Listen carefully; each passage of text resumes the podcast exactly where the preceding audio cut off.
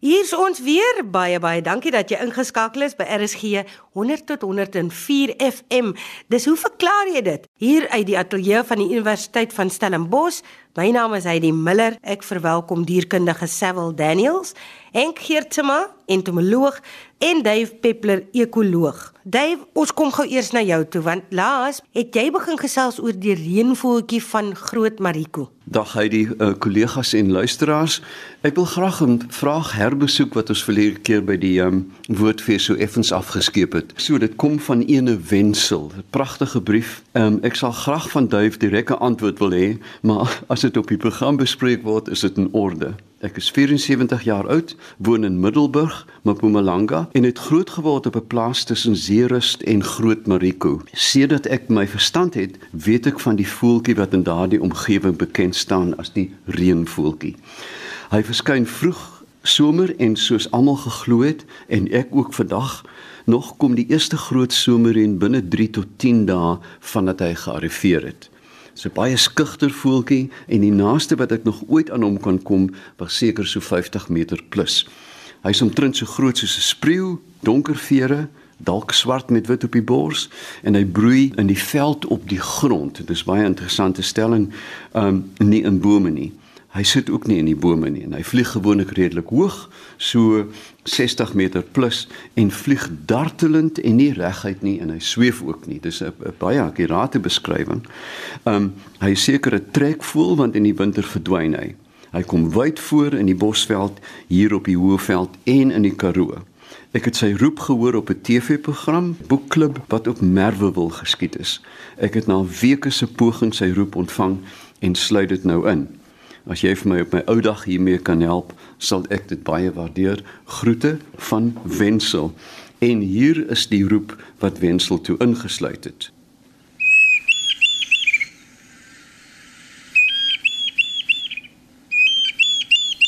Nou ja, Wensel, soos jy tereg ingesluit het, dit is die diedruk en natuurlik die diedruk is een van die uh, bekende parasitiese koekoeks. Dis 'n klein voeltjie. Hy's nie ek dink hy's effens kleiner as wat jy as spreeu beskou, weet so 18 tot 20 cm hoog.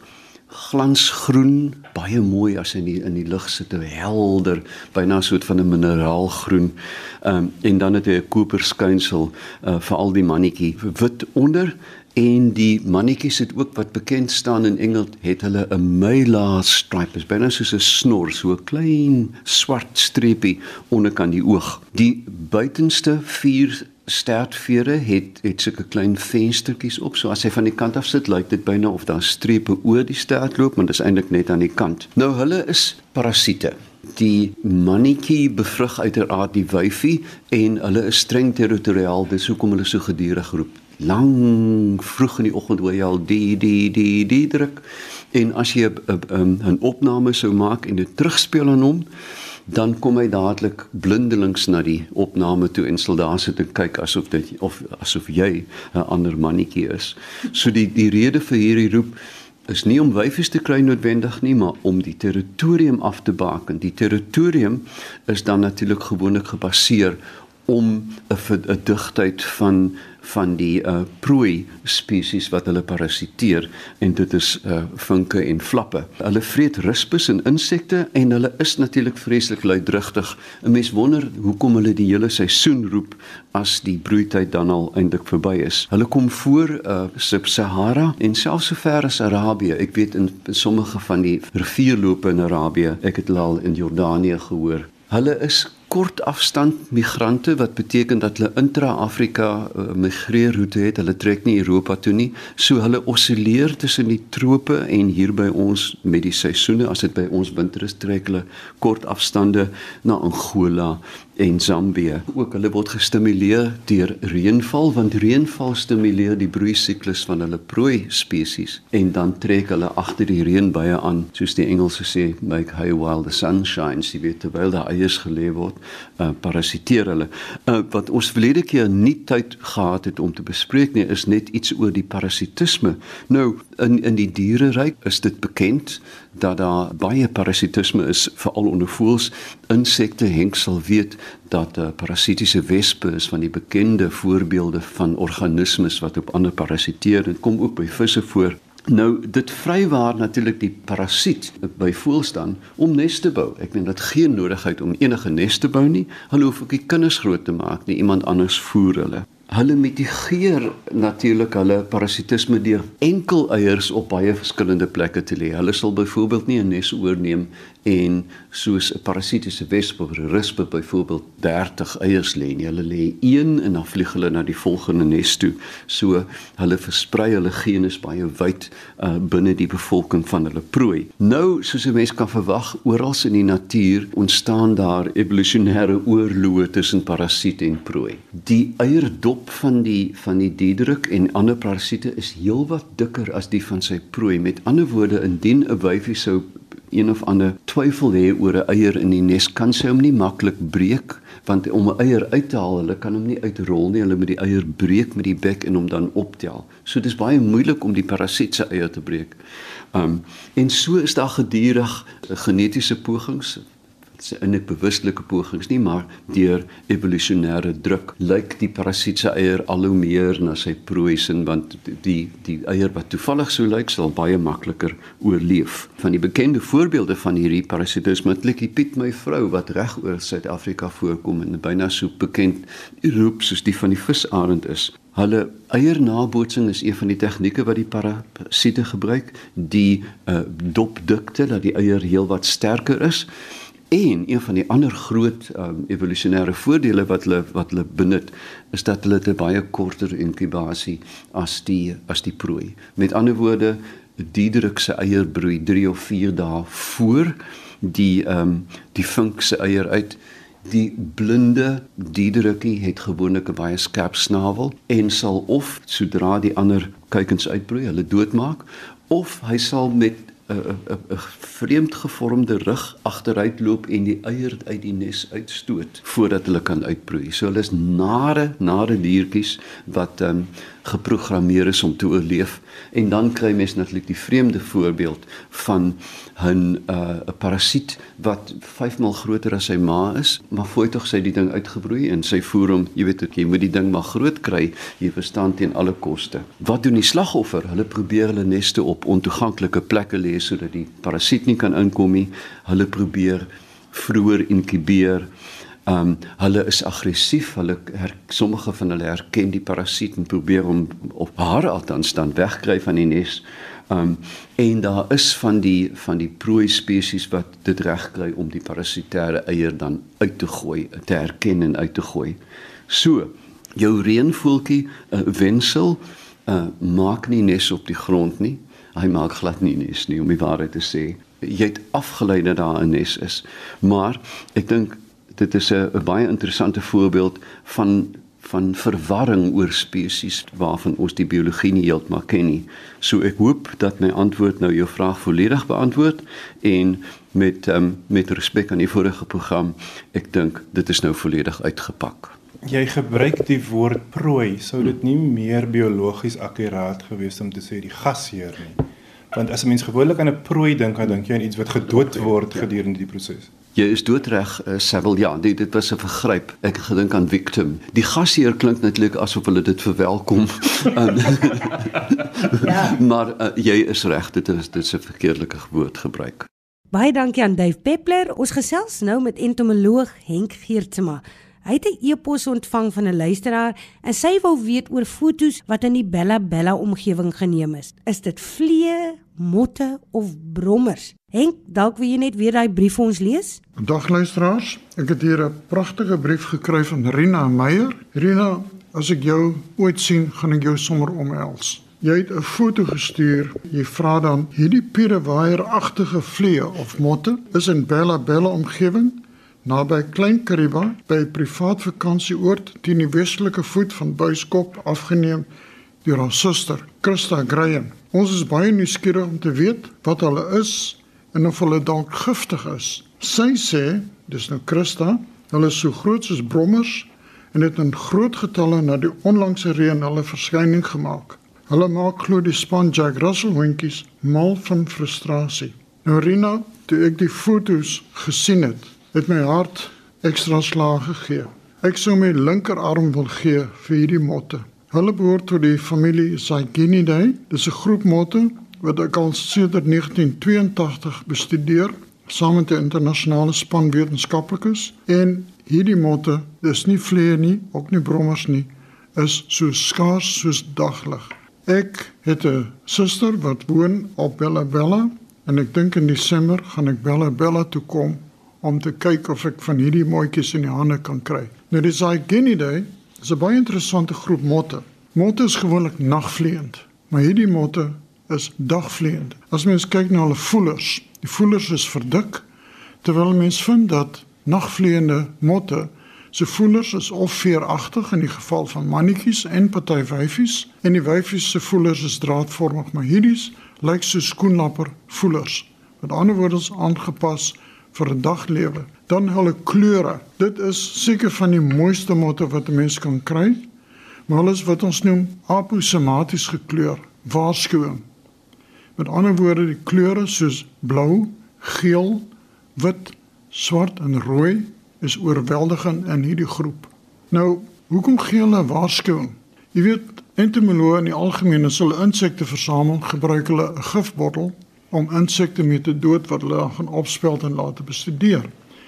Nou in die algemeen gebruik mense dan etilasetaat wat redelik maklik bekombaar is. Maar as jy regtig professioneel raak, dan gebruik jy sianietgas. Met ander woorde, jy kry sianiet in die hande, 'n uh, bietjie moeilik om dit te kry. Jy meng dit met gips en jy maak 'n spesiale bottel met hierdie laagie sianiet gebaseerde gips daarin en die gas wat afgegee word is genoeg om enige insek dood te maak behalwe hierdie mooitjies want hierdie mooitjies skei self sianiet af. Met ander woorde voels akedisse ander diere wat dink hierdie is 'n lekker prooi gaan tweede kom. Die mooitjies skei die gif af. Nou waar kry hulle die sianiet dan vandaan? Nou hulle ruspers voed op die plantfamilie Celestraceae. Celestraceae is baie goed ontwikkel in Asië en dit word vermoed dat die plantfamilie het langs die ooskant van Afrika afbeweeg na die Kaap. Die groep kom ook voor in Suid-Amerika, maar die ding is die in die Wes-Kaap is die interessantste. Nou wie die fynbos in die Kaap kom tot bloei na die reën. Teen November, Desember, dan hou die bloei op in die fynbos. En dan sal mens sien dat sekere struike in die berge en so aan begin bot. Jy kan maar vat 80% van daardie struike behoort tot die plantfamilie Celestraceae.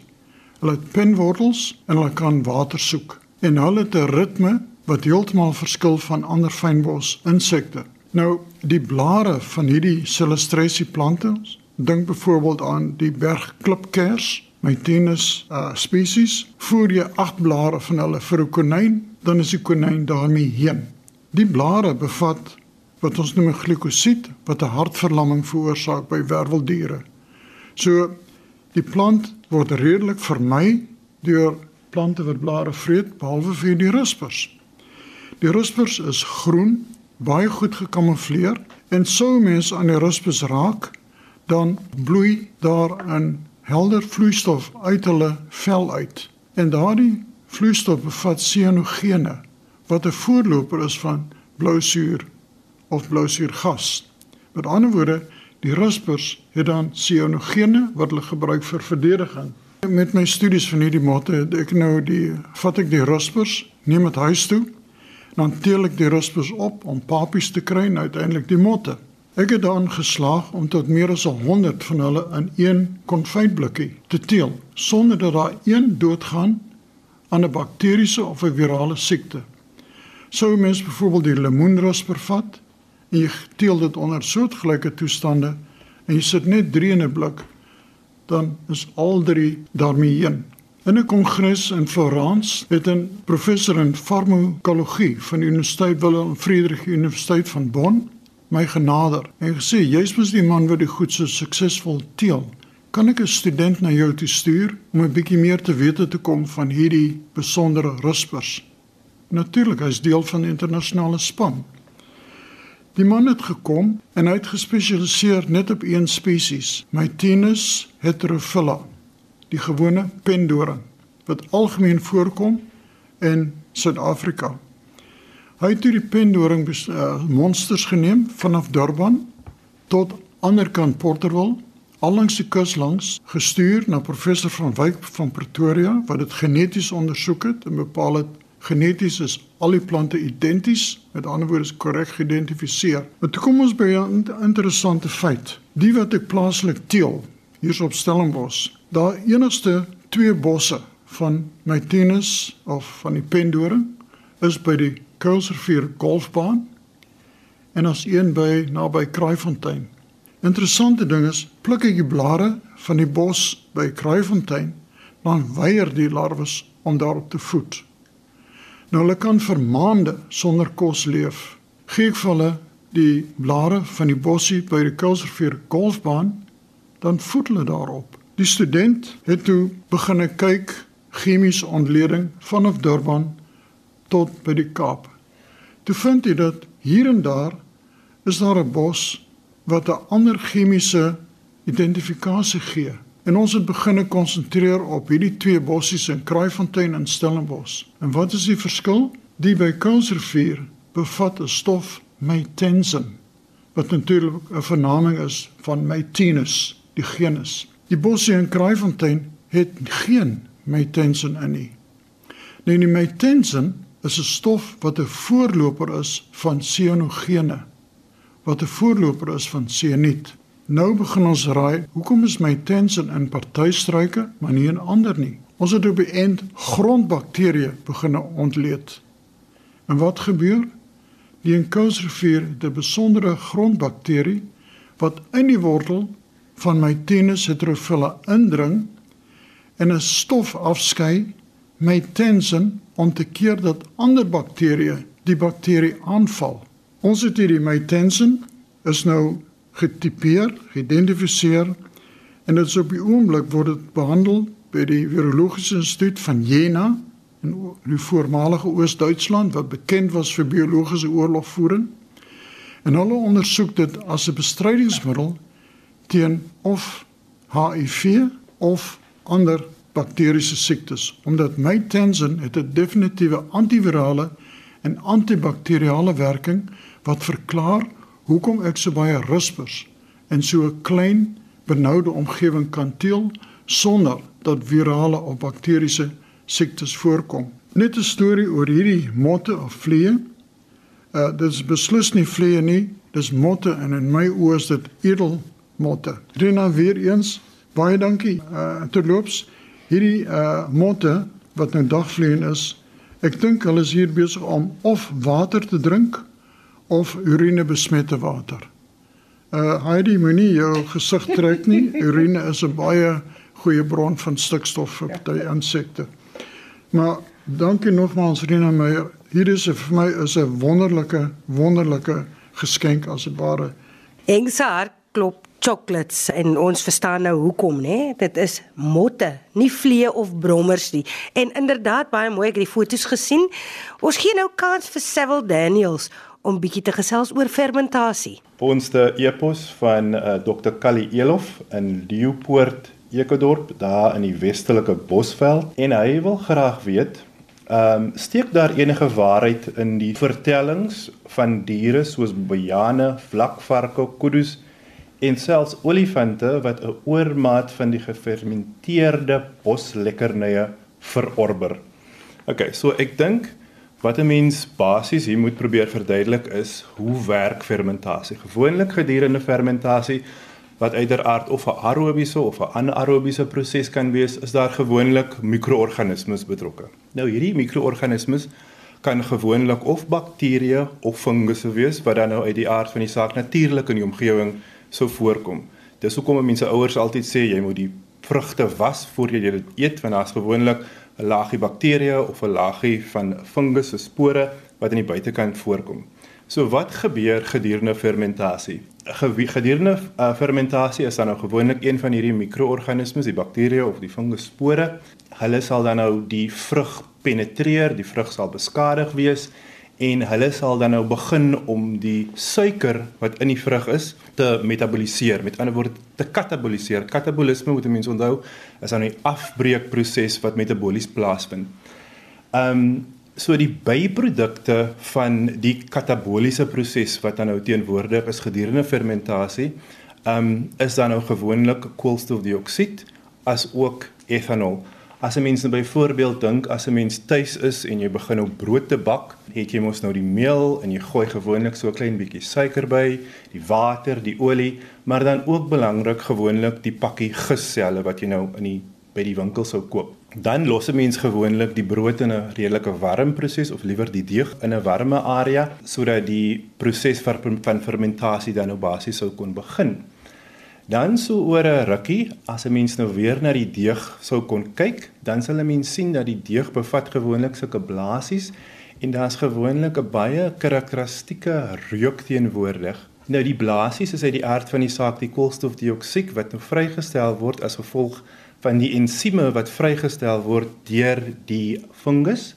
So die fungus stel ensieme vry, die ensieme begin met die kataboliese prosesse en dan die twee byprodukte, die koolstofdioksied en die etanol. Die koolstofdioksied help om die brood te laat rys. Ons moet ook onthou dat die etanol is 'n baie klein molekuule. So gewoonlik wanneer jy die brood dan nou in die oond in sou druk, sal al die um etanol wat teenwoordig is dan nou verdamp want dit is 'n baie klein klein molekuule.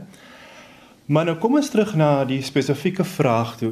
Die vrugte wat 'n mens nou kry soos byvoorbeeld amarullas wat nou in die vel sou lê wanneer daar ge genoeg hitte teenwoordig is, daar's genoeg fungus teenwoordig, dan sou die fermentasieproses uiteraard natuurlik kon plaasvind. En 'n mens weet as 'n mens natuurlik 'n klein hoeveelheid alkohol gereeld neem of 'n baie keer 'n klein hoeveelheid neem, sou jy redelik dronk kon word. So ek het nou gekyk In literatuur is daar werklik bewyse dat soogdiere moetswillig sou ek amper sê alkoholiese drankies drink en wragtig in Wes-Afrika het hulle gekyk na sjimpansees en hulle bevind dat sjimpansees gaan elke paar weke na hierdie palmbome toe waar hulle palmwyn drink. En in hierdie palmwyn is die alkoholkonsentrasie 6.9. Dis omtrent die sterkte van 'n goeie bier sou ek sê. Nou hulle het ook bevind dat die diere tussen 2.5 tot 80 ml van hierdie alkoholwyn of palmwyn drink.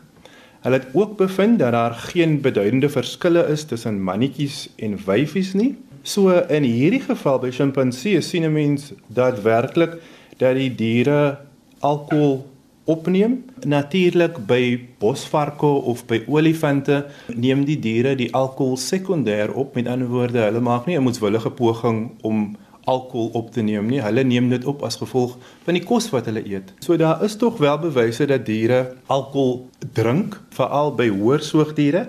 By die laer soogdiere sou ek sê dat die proses basies teenwoordig is omdat die diere die vrugte eet wat dan nog gefermenteer is. Omtrent 'n sekondêre proses. Dis nie hulle primêre funksie om te probeer alkohol in die hande te kry soos by die sjimpansees nou byvoorbeeld nie. Sewel dit is 'n baie interessante storie, jy weet. Ek was in 65 die eerste jaar en ek het klas geloop by dokter Smit.